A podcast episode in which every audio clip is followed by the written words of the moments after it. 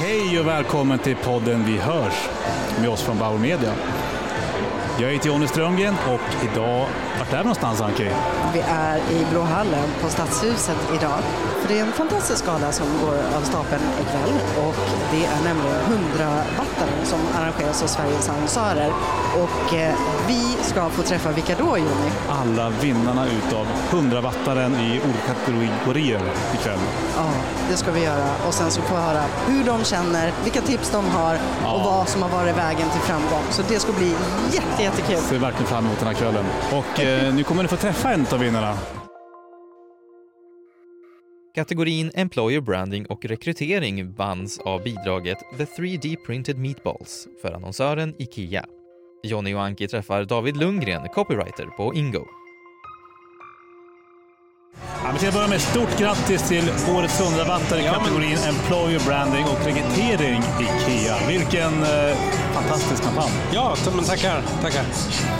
Alltså man är väldigt nyfiken på eh, vad du ser är bakgrunden till att ni faktiskt vann årets 100 wattare år.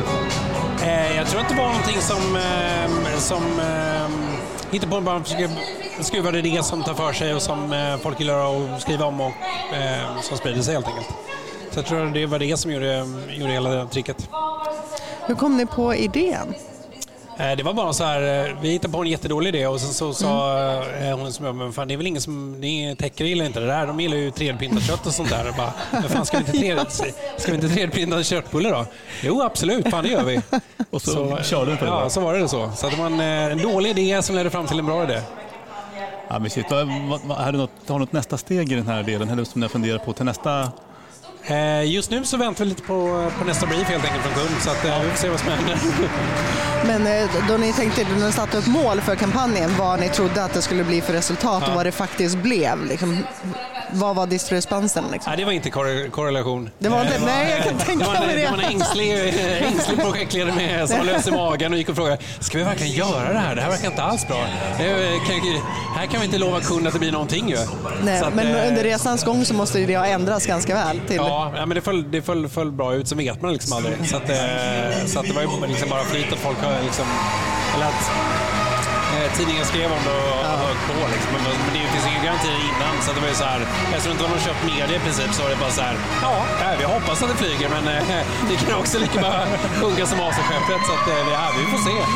Ja, men, och här är vi ikväll. Ja, nej, men, Ja, eh, tackar, tackar. stort grattis Ja, tack så hemskt mycket. Härligt. Ha det gott.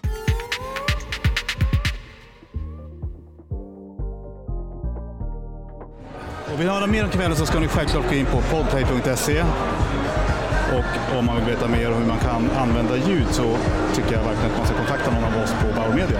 Ja, och podden heter ju som sagt Vi hörs och Vi hörs är precis vad vi hoppas göra Ja. med er också. Tack för ikväll. Tack för ikväll!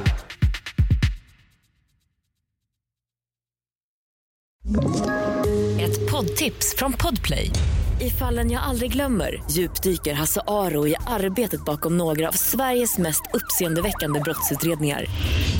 Går vi in med hemlig telefonavlyssning och, och då upplever vi att vi får en total förändring av hans beteende. Vad är det som händer nu? Vem är det som läcker? Och så säger han att jag är kriminell, jag har varit kriminell i hela mitt liv men att mörda ett barn, där går min gräns. Nya säsongen av Fallen jag aldrig glömmer på Podplay.